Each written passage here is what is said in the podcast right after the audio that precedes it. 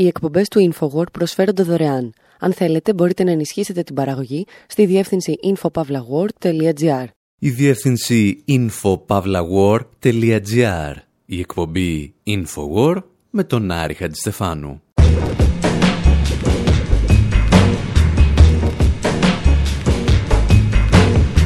Όπου σήμερα αναρωτιόμαστε εάν είναι δίκαιο να σε αποκαλούν σε όλο τον πλανήτη ο κοντός, εάν τυχαίνει να είσαι ένα μέτρο και 68 εκατοστά.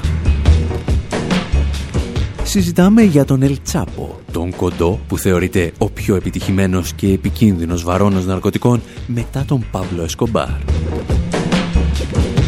με αφορμή τη δίκη του που ξεκίνησε στις Ηνωμένες Πολιτείες, αναρωτιόμαστε γιατί να έχουν γραφτεί γι' αυτόν δεκάδες ή εκατοντάδες τραγούδια.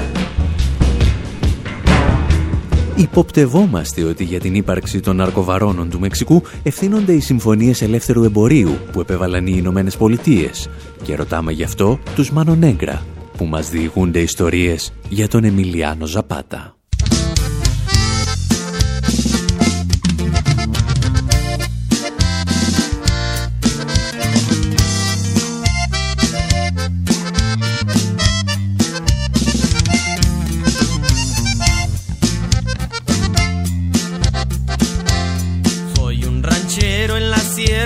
alegria.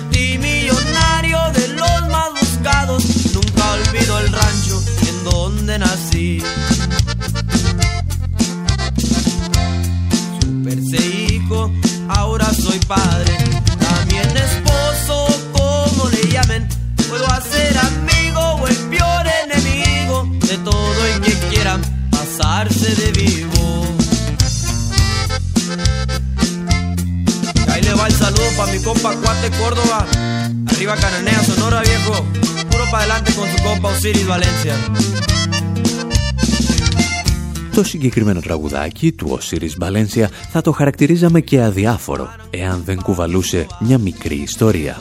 Περιγράφει τη σύλληψη του ναρκοβαρόνου Ελ Τσάπο το 2014 και λέγεται ότι γράφτηκε και κυκλοφόρησε μέσα σε μία ώρα από τη στιγμή που μεταδόθηκε η πληροφορία από τα δελτία ειδήσεων του Μεξικού.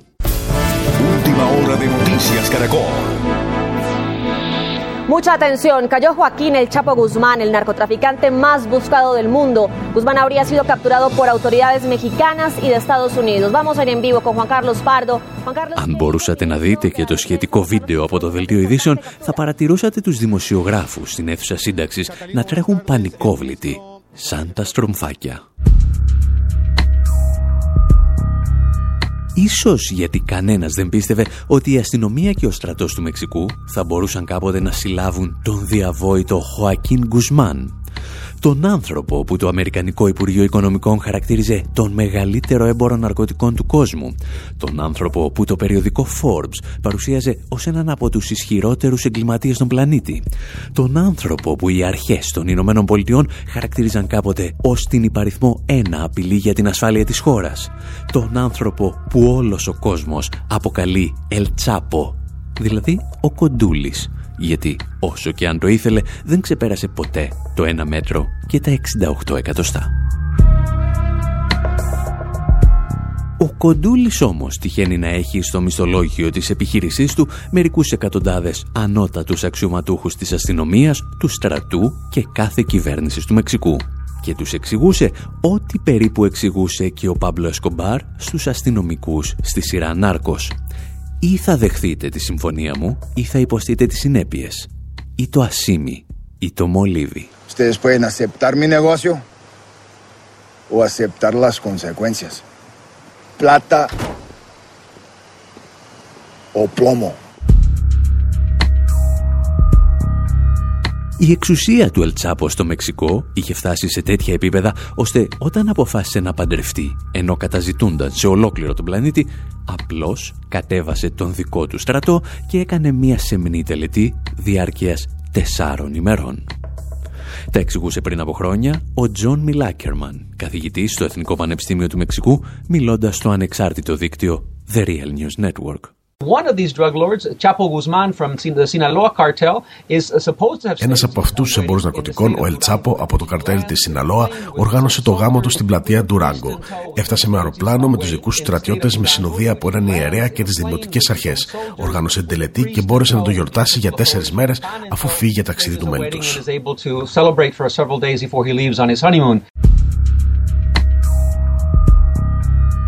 Στη συνέχεια της εκπομπής θα συζητήσουμε πώς γίνεται ένας καταζητούμενος ναρκοβαρόνος να γίνεται ισχυρότερος από την κεντρική κυβέρνηση και τον στρατό μιας χώρας. Κυρίως όμως θα συζητήσουμε γιατί να έχουν γραφτεί τόσες δεκάδες τραγούδια για τον Ελτσάπο. Γιατί στη μία και πλέον δεκαετία που κάνουμε αυτή την εκπομπή έχουμε συναντήσει μόνο δύο ανθρώπους για τους οποίους γράφτηκαν τόσα τραγούδια. Τον Ελτσάπο και τον Χριστό.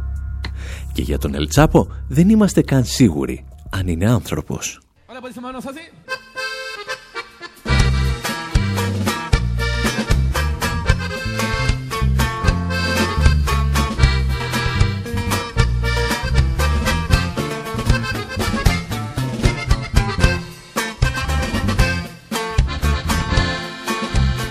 Una envidiable capacidad de tener tanta gente al mando. ¿Cómo le hace? ¿Cómo le hará? Pa' que siga trabajando.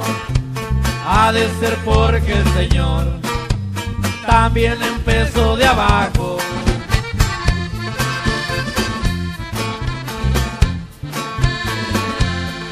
Fue buscando y encontró cómo llegar a la cima y jamás se imaginaba lo tanto que subiría. Lo respeta todo el mundo por su gran sabiduría.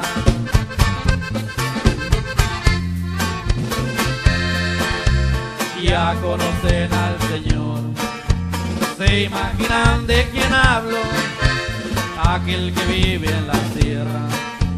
Del Chapo yo estoy hablando dedico este corrido. Están escuchando.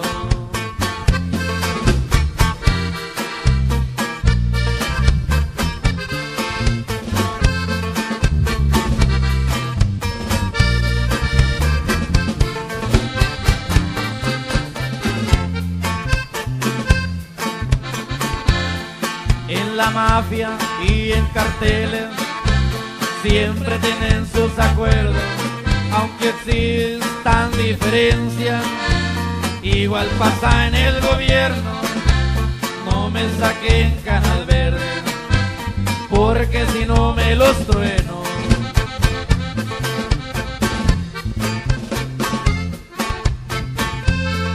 Sinaloa, punto clave, pa' crianza de valientes han salido los mejores. A ver quién me lo desmiente. Hagan cuenta de mafiosos. Sinaloa está presente. Ο Φάμπιαν Ορτέγκα τραγουδά ένα ακόμη από τα λεγόμενα ναρκοκορίντος, τα ναρκοτράγουδα, τα οποία επουδενή δεν πρέπει να συγχαίουμε με τα δικά μας χασικλίδικα ρεμπέτικα γιατί τα ναρκοκορίντος δεν εξυμνούν την παραβατικότητα ενός χρήστη, αλλά τον έμπορο των ναρκωτικών. Σε αρκετά από αυτά υπάρχουν ανατριχιαστικές περιγραφές για το πώς τα καρτέλ εξοντώνουν τους αντιπάλους τους και τι κάνουν στις δυνάμεις του στρατού και της αστυνομίας που τα καταδιώκουν.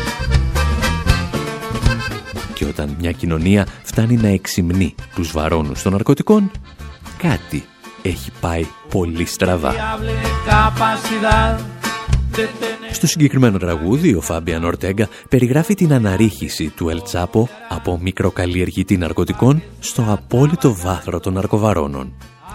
Εμείς όμως θεωρούμε ότι η συγκεκριμένη ιστορία ξεκινά μερικά χρόνια νωρίτερα, όχι στο Μεξικό, αλλά στις Ηνωμένες Πολιτείες. Ήταν εκείνο το απόγευμα της 17ης Ιουνίου του 1971, όταν ο πρόεδρος Νίξον κήρυξε, υποτίθεται, τον πόλεμο εναντίον των ναρκωτικών. Public enemy number one in the United States is drug abuse. Ο υπαριθμόν ένα δημόσιος κίνδυνος στις ΗΠΑ είναι η χρήση ναρκωτικών. Για να πολεμήσουμε και να νικήσουμε αυτόν τον εχθρό, πρέπει να πραγματοποιήσουμε μια νέα επίθεση σε όλα τα μέτωπα.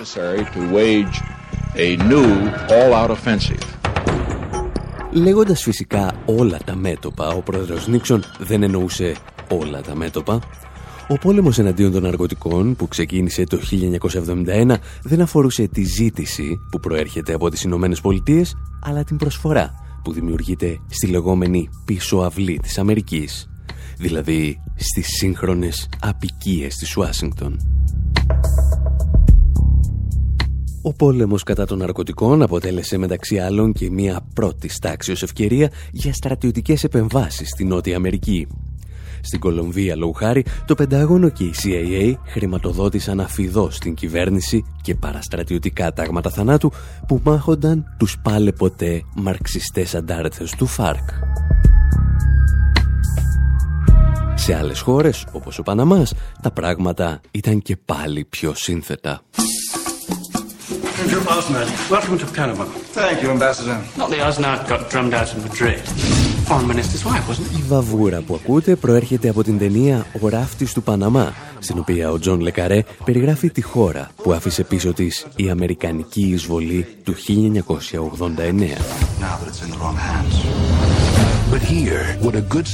Πριν από την εισβολή, στην εξουσία του Παναμά, αν θυμάστε, βρισκόταν ο Μανουέλ Νοριέγκα, ο οποίος τύχαινε να είναι και πράκτορα στη CIA, όταν διευθυντής της υπηρεσίας ήταν ο George Bush ο πρεσβύτερος. Ο Νοριέγκα ήταν επικεφαλής και ενός κολοσιαίου καρτέλ το οποίο έστελνε στην Αμερική τεράστιες ποσότητες ναρκωτικών κάτω από τη μύτη ή και μέσα στη μύτη της ομοσπονδιακής κυβέρνησης. Και πώς το ξέρουμε αυτό; Το κατήγγειλε ο υποψήφιος για την Αμερικανική Προεδρία Μάικλ Ντουκάκης, κατηγορώντας ευθέως τον Τζορτζ Μπούς ότι συνεργαζόταν με τους ναρκοβαρώνους του Παναμά και συγκεκριμένα με τον Νοριέγκα.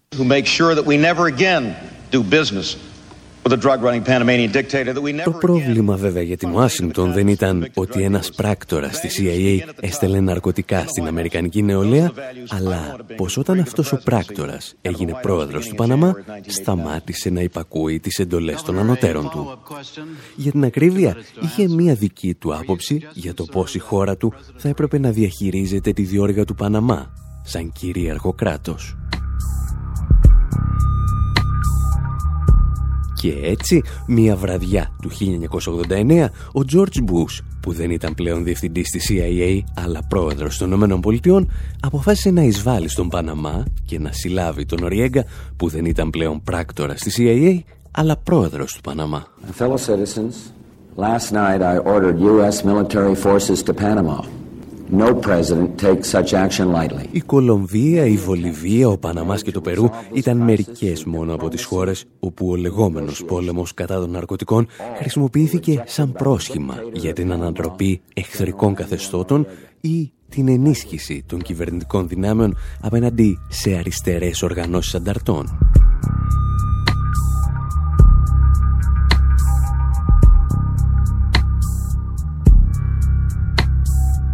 Όπως συμβαίνει συνήθως σε τέτοιου είδους επιχειρήσεις, οι Ηνωμένε Πολιτείες, οι οποίες δεν θέλουν να αντιμετωπίσουν τη ζήτηση, το μόνο που καταφέρνουν είναι απλώς να μετατοπίσουν λίγο τη διαδικασία της παραγωγής. Οι στρατιωτικές επιχειρήσεις στην Κολομβία δυσχεραίνουν προς στιγμήν τη μεταφορά μεγάλων ποσοτήτων κοκαίνης απευθείας από τα κολομβιανά καρτέλ. Και αυτά αναζητούν μεσάζοντες στο Μεξικό. Αρχικά οι Μεξικανοί ναρκοβαρώνοι είναι κυριολεκτικά μεσάζοντες. Οι Ηνωμένες Πολιτείες όμως θα φροντίσουν να τους μετατρέψουν σε πραγματικούς βαρώνους των ναρκωτικών. Και για να το πετύχουν θα χρειαστούν απλώς μια συμφωνία ελεύθερου εμπορίου και μερικούς οπαδούς της ελεύθερης οπλοκατοχής. Αυτά όμως θα τα συζητήσουμε στο δεύτερο μέρος της εκπομπής ακούγοντας αρκετά ακόμη ναρκοκορίντος και θέτοντας το ερώτημα πώς γίνεται ορισμένες μικρές κοινωνίες να δείχνουν μεγαλύτερη εμπιστοσύνη σε ένα καρτέλ παρά σε ένα κράτος. Εσείς να θυμάστε απλώς όλη αυτή την ώρα ότι βρίσκεται όλες αυτές τις ιστορίες στο site μας στη διεύθυνση info.pavlawar.gr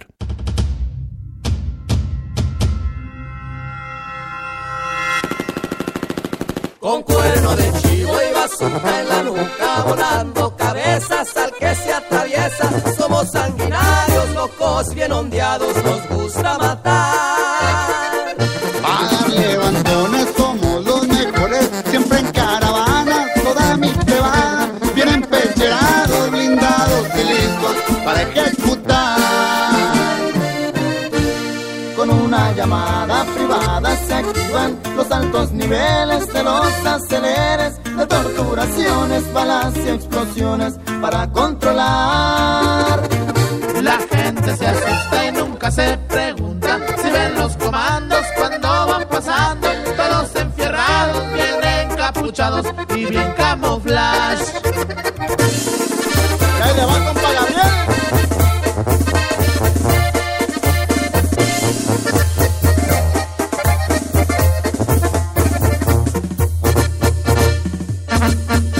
Van endemoniados, muy bien comandados, listos ya a la orden para hacer un desorden, para hacer sufrir y morir a los contras hasta agonizar.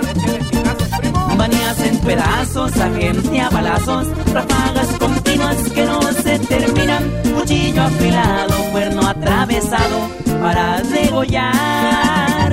Traen mente de varios revolucionarios como Pancho Villa en guerrilla, limpiando el terreno con bazuca y cuerno que hacen retumbar. El macho adelante con el comandante para acabar con lacras, todo el virus antrax, equipo violento, trabajo sangriento para traumatizar. Soy el número uno de clavenme uno, JT siempre presente y pendiente, a su apoyo dar. Seguiré creciendo y más gente cayendo por algo. Soy el ondeador respetado. Manuel Torres Félix, mi nombre y saludos para Culiacán. Como hueso con el movimiento alterado. Puro twin. Οι εκπομπές του InfoWord προσφέρονται δωρεάν. Αν θέλετε, μπορείτε να ενισχύσετε την παραγωγή στη διεύθυνση infopavlagor.gr.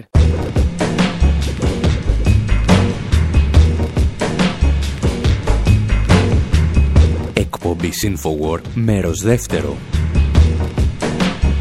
Όπου με αφορμή τη δίκη του Χοακίν Ελ Τσάπο Γκουσμάν, ίσως του μεγαλύτερου ναρκέμπορου της ιστορίας, αναρωτιόμαστε ποιος δημιούργησε τα πανίσχυρα καρτέλ του Μεξικού.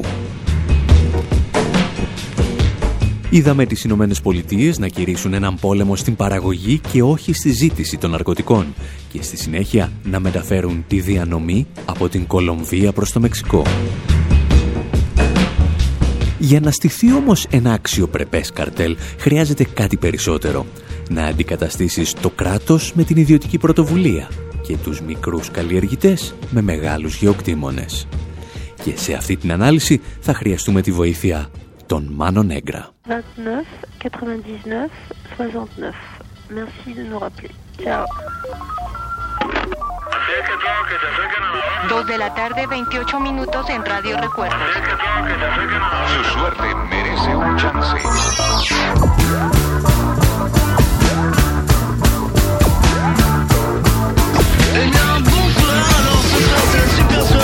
Avec le mouvement,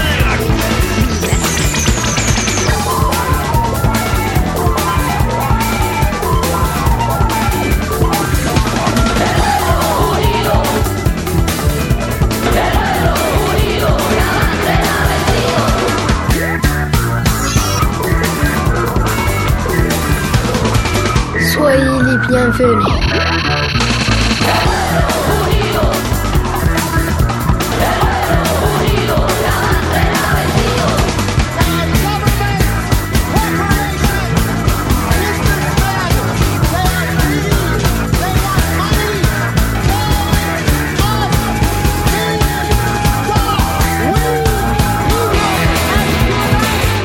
Οι Μανονέγκρα αφιερώνουν το τραγούδι τους Viva Zapata στον Μεξικανό επαναστάτη Εμιλιάνο Ζαπάτα, τον άνθρωπο που όπως και ο Ελτσάπο γεννήθηκε φτωχός σε μια οικογένεια μικροκαλλιεργητών και εκεί σταματούν οι ομοιότητες.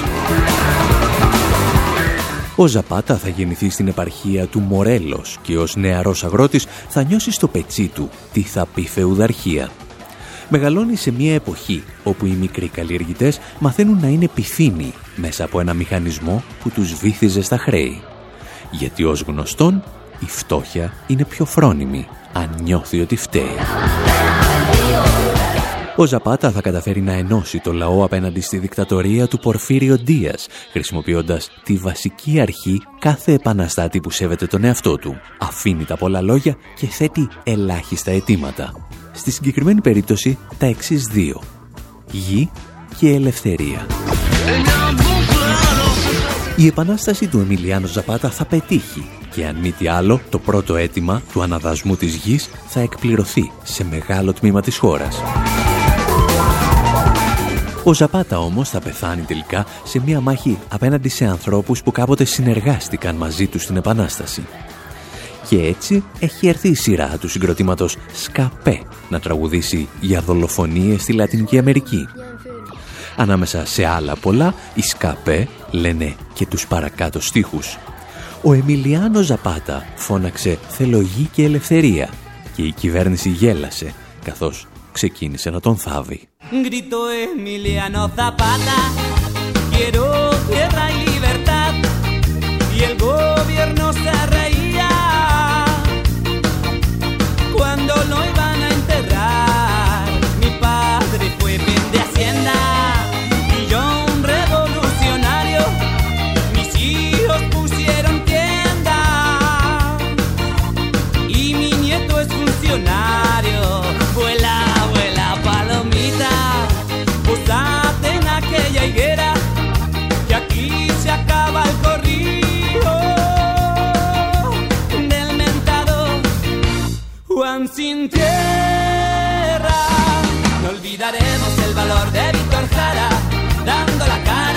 a la represión.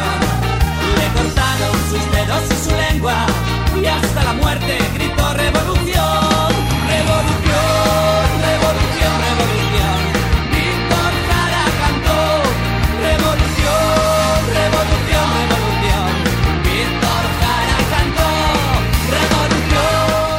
Στην πραγματικότητα, η στιγμή που μια μεξικανική κυβέρνηση θα γελάσει για πρώτη φορά με το αίτημα του Ζαπάτα για γη και ελευθερία όπως τραγουδούσαν οι ΣΚΑΠΕ θα έρθει το 1991.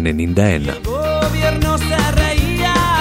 Είναι η στιγμή που ο πρόεδρος Κάρλος Σαλίνας καταργεί το άρθρο 27 του συντάγματος που είχε αφήσει πίσω της η Μεξικανική Επανάσταση.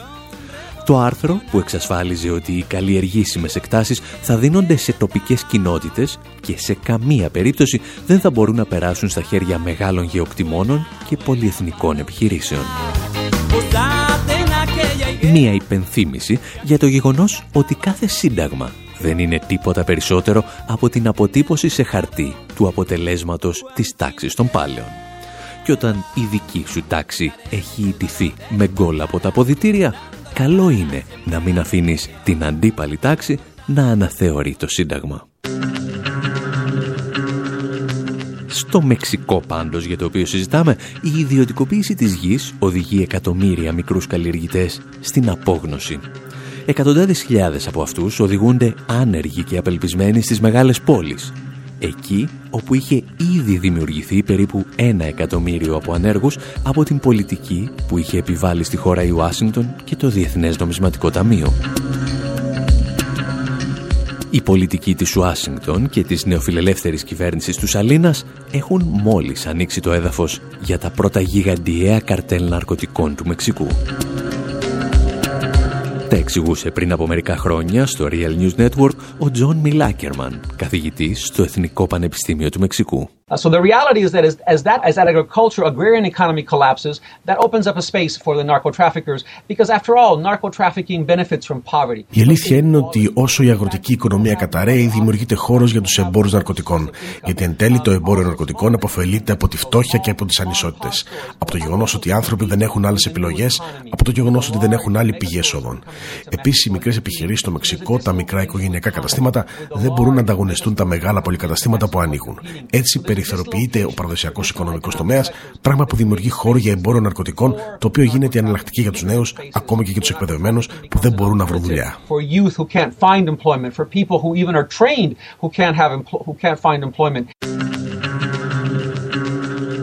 Οι ναρκοβαρόνοι όμως δεν προσφέρουν απλώς θέσεις εργασίας. Σε αρκετές περιπτώσεις αντικαθιστούν το κράτος πρόνοιας, το οποίο έχει διαλυθεί από την κυριαρχία του νεοφιλελευθερισμού. Και έτσι, μου εξηγούσε πριν από μερικά χρόνια, ο μεγάλος Μεξικανός συγγραφέας και δημοσιογράφος Χουάν Βιγιόρο θα ανατείλει το άστρο του Ελ Τσάπο. Well, they are local benefactors. You know, we, have changed uh, the hopes in many parts of the country. Οι βαρόνοι των ναρκωτικών προσφέρουν στις τοπικές κοινωνίες. Αρκετοί άνθρωποι που αισθάνονται το κράτος εγκατέλειψε ζητούν λύσεις από τους ναρκέμπορου και αυτοί συχνά ανταποκρίνονται. Ο διασημότερος βαρόνο ναρκωτικών στην ιστορία του Μεξικού, ο Χακίν Κουσμάν, γνωστός ως Ελ Τσάπο, ο οποίος τώρα κρατείται στις ΗΠΑ, είχε τέτοια.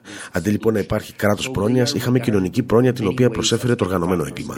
Είναι μια τραγική κατάσταση γιατί σήμανε το τέλος των θεσμών. Ο πόλεμος όμως εναντίον ναρκωτικών που ξεκίνησε ο Καλδερόν διέλυσε ακόμη και αυτά τα δίκτυα κοινωνικών παροχών των εμπόρων ναρκωτικών. Felipe Calderón destroyed also this network, this social assistance provided by the drug lords. Όπως συμπλήρωνε παλαιότερα και ο Τζον Μιλ Άκερμαν, ο πρεζέμπορας της γειτονιάς σου γίνεται σταδιακά ο άνθρωπός σου. Είναι η αστυνομία σου και ο στρατός σου, ο δάσκαλος, ο γιατρός σου και ο νηπιαγωγός των παιδιών σου. Uh, and you have competition then between the traditional state and increasingly these drug organizations um, that assume not only the position of illicit drug Σταδιακά δημιουργείται ανταγωνισμός ανάμεσα στο παραδοσιακό κράτος και σε αυτές τις οργανώσεις ναρκωτικών που δεν παίζουν μόνο το ρόλο των παράνομων εμπόρων ναρκωτικών, αλλά σταδιακά λαμβάνουν μορφές κοινωνικών οργανώσεων. Προσπαθούν να επικοινωνήσουν με το λαό, με το πληθυσμό, αρχίζουν να ανταγωνίζονται μεταξύ τους και γίνονται κράτος εν κράτη. Έχουν όπλα, έχουν τη δυνατότητα να βλάψουν το κράτος. Αρχίζουν όμως να επιλέγουν και κοινωνικές λειτουργίες, οργανώνοντα γιορτές για την ημέρα του παιδιού, για τη γιορτή της μητέρας και άλλες δραστηριότητες.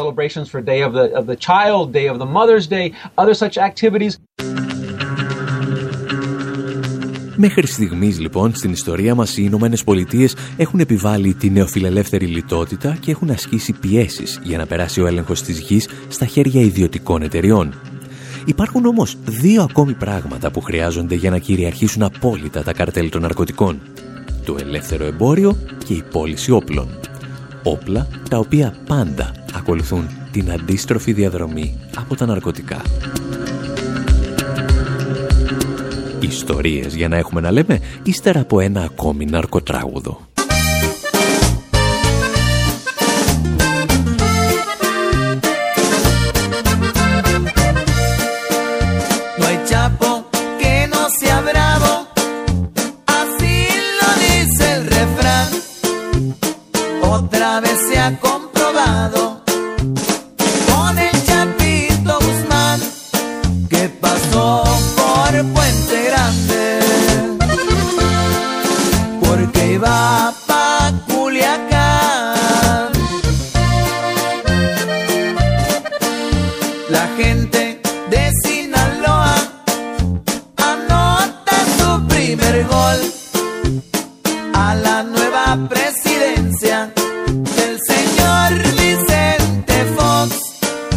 celeste.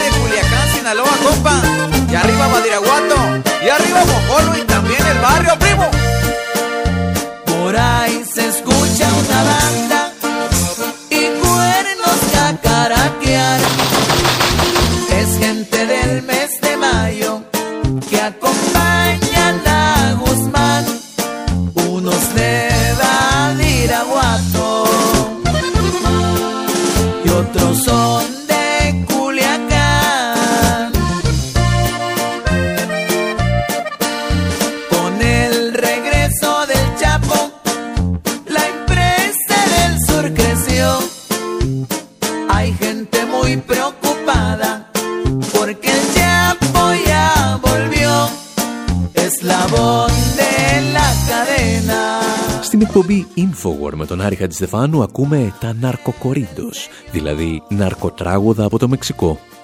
Υποστηρίζουμε ότι η πολιτική των Ηνωμένων Πολιτειών ξεκίνησε να δημιουργεί τα μεγάλα καρτέλ ναρκωτικών του Μεξικού με ένα συνδυασμό λιτότητας και ακύρωσης των επιτευγμάτων της Μεξικανικής Επανάστασης. Busquen a otro. Και έχει έρθει η στιγμή να ξεκινήσει και το ελεύθερο εμπόριο με την επιβολή της ναύτα. Η Βορειοαμερικανική Συμφωνία Ελεύθερου Εμπορίου αφήνει τους γεωργούς του Μεξικού να ανταγωνιστούν τις Αμερικανικές πολυεθνικές τροφίμων, χωρίς πλέον κανένα δίχτυ ασφαλείας. Άλλα δύο εκατομμύρια αγρότες εγκαταλείπουν τα χωριά τους και καταλήγουν σε αστικά κέντρα άνεργοι. Και χιλιάδες από αυτούς στρατολογούνται άμεσα στα καρτέλ των ναρκωτικών. Και αυτή τη φορά είναι η σειρά ενός Αμερικανού, του Στιν Ήρλ, να τραγουδήσει για έναν Μεξικάνο που χάνει τη δουλειά του και αναγκάζεται να γίνει βαποράκι για τη διακίνηση ναρκωτικών.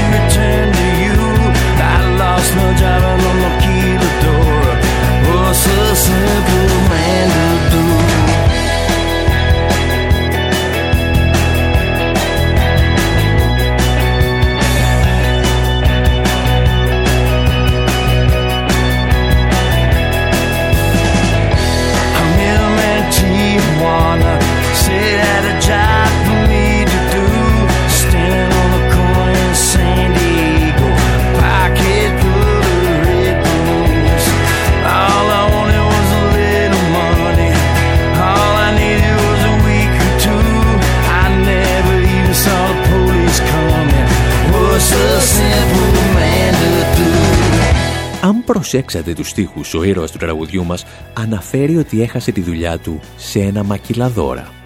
Όπου μακυλαδόρα είναι οι μικρές βιοτεχνίες που δημιουργήθηκαν στις ειδικές οικονομικές ζώνες του Μεξικού. Και αυτός παρεπιπτόντος ήταν ένας ακόμη τρόπος με τον οποίο η ναύτα ενίσχυσε το εμπόριο ναρκωτικών και τα καρτέλ. Τα μακυλαδόρα που λειτουργούσαν για λογαριασμό μεγάλων αμερικανικών εταιριών απολάμβαναν ειδικό καθεστώς με ελάχιστους ελέγχους και έτσι μετατράπηκαν σε ένα εξαιρετικό κανάλι για τη μεταφορά ναρκωτικών προς τις Ηνωμένες Πολιτείες. Για να ανακεφαλαιώσουμε λοιπόν, οι Ηνωμένε Πολιτείες δημιούργησαν τις κατάλληλες συνθήκες ώστε η ροή ναρκωτικών να περάσει από την Κολομβία στο Μεξικό. Ύστερα διέλυσαν το κράτος πρόνοιας του Μεξικού και δημιούργησαν τεράστια ανεργία, παράγοντας εκατοντάδες χιλιάδες μαχητές και εργάτες για τα καρτέλ. Και τέλος, άνοιξαν νέους δρόμους για το εμπόριο των ναρκωτικών μέσα από τις ειδικές οικονομικές ζώνες. Το μόνο που έλειπε, ώστε τα καρτέλ να μετατραπούν σε κράτος εν κράτη, ήταν τα όπλα. Και για αυτά όμως φρόντισε η Ουάσιγκτον. Τα Τα εξηγούσε και πάλι ο Τζον Μιλ Άκερμαν, καθηγητής στο Εθνικό Πανεπιστήμιο του Μεξικού. Some of that weaponry has come from the U.S. Some of it has been weaponry that was left behind by the U.S. in Central America as a result of the wars in Central America. Some of it has been as a result of... Μέρος του οπλισμού τους έρχεται απευθείας από τις Ηνωμένες Πολιτείες ή πρόκειται για όπλα που έχουν αφήσει οι Ηνωμένες Πολιτείες στην Κεντρική Αμερική μετά τους πολέμους που διεξήγαγαν στην περιοχή.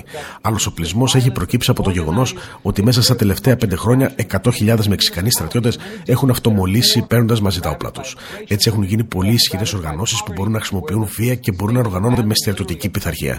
Υπάρχουν πολλές κοινότητες και γειτονιές που ταλαιπωρούνται από τη φτώχεια ή τη μετανάστευση και που το κράτος τις έχει κυριολεκτικά εγκαταλείψει. Υπάρχουν τουλάχιστον 300 δήμοι για τους οποίους τα μέσα ενημέρωσης λένε ότι ελέγχονται άμεσα ή έμεσα από τους εμπόρους ναρκωτικών.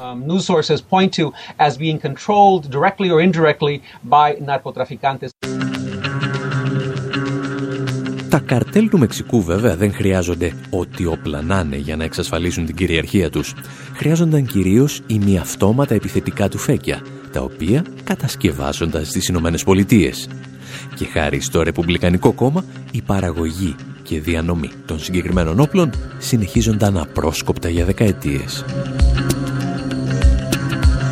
Και έτσι, όταν τα καρτέλ έφτασαν σε σημείο να μπορούν να αντιπαρατεθούν ανοιχτά με τον στρατό του Μεξικού, ήταν η στιγμή να ξεκινήσει ο πραγματικός πόλεμος. Μου τα εξηγούσε παλαιότερα ο συγγραφέας Χουάν Βιγιόρο. Well, in 2006, uh, President Felipe Calderón came to office το 2006 ο πρόεδρος Φελίπε Καλτερών ήρθε στην εξουσία μέσω μιας προβληματικής εκλογικής διαδικασίας. Σύμφωνα με τους υποψήφιους της αριστεράς, η διαδικασία ήταν παράνομη. Η μισή χώρα τον κατηγορούσε για νοθεία στις εκλογές.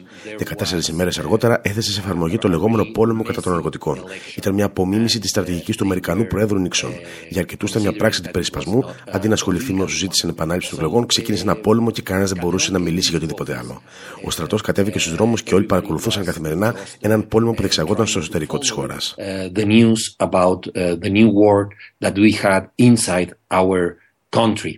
Outcome of having uh, army in the streets was that uh, the cartels that used to have... Το αποτέλεσμα της κινητοποίησης του στρατού ήταν ότι τα καρτέλ έπρεπε να βρουν νέους τρόπους για να φτάσουν στα σύνορα με τις ΗΠΑ. Έτσι ξεκίνησαν μεταξύ τους συγκρούσεις που οδήγησαν στη τρομακτική αύξηση της βίας. Έξι χρόνια αργότερα, όταν ο Καλτερόν εγκατέλειψε την εξουσία, υπήρχαν τουλάχιστον 100.000 νεκροί και 30.000 αγνοούμενοι. Το εμπόριο ναρκωτικών δεν αντιμετωπίζεται μόνο με το στρατό. Έχει πολύ βαθιές ρίζες στην κοινωνία μας, με τις οποίες πρέπει να ασχοληθείς. Πρέπει να αναγνωρίσεις τις κοινωνικές, οικονομικές, πολιτισμικές, συμβολικές, ακόμη και θρησκευτικές παραμέτρους. Cultural, symbolic, even religious factors involved with this. Σε αυτό τον πόλεμο των ναρκωτικών, οι Ηνωμένες Πολιτείες εμέσως τροφοδοτούσαν με όπλα και τις δύο πλευρές. Εισήγαγαν τα ναρκωτικά των καρτέλ, δημιουργούσαν τις συνθήκες που αυτά χρειάζονταν για να στρατολογούν νέους μαχητές, ενώ παράλληλα ανάγκαζαν κάθε κυβέρνηση του Μεξικού να κατεβάζει το στρατό στους δρόμους και τώρα έρχονται σαν δικαστές για να δικάσουν τον αρχιβαρόνο του Μεξικού, Χωακίν Γκουσμάν, τον Κοντούλη. Στέλνοντας έτσι το μήνυμα ότι μόνο αυτές είναι σε θέση να βάλουν ένα τέλος στα καρτέλ που οι ίδιες δημιουργήσαν. Κάπου εδώ όμως και εμείς λέμε να σας αφήσουμε και για αυτή την εβδομάδα. Από τον Άρη Στεφάνου στο μικρόφωνο, την Μυρτώ Σιμεωνίδου στις μεταφράσεις και τον Δημήτρη Σαθόπουλο στην τεχνική επιμέλεια, Γεια σας και χαρά σας.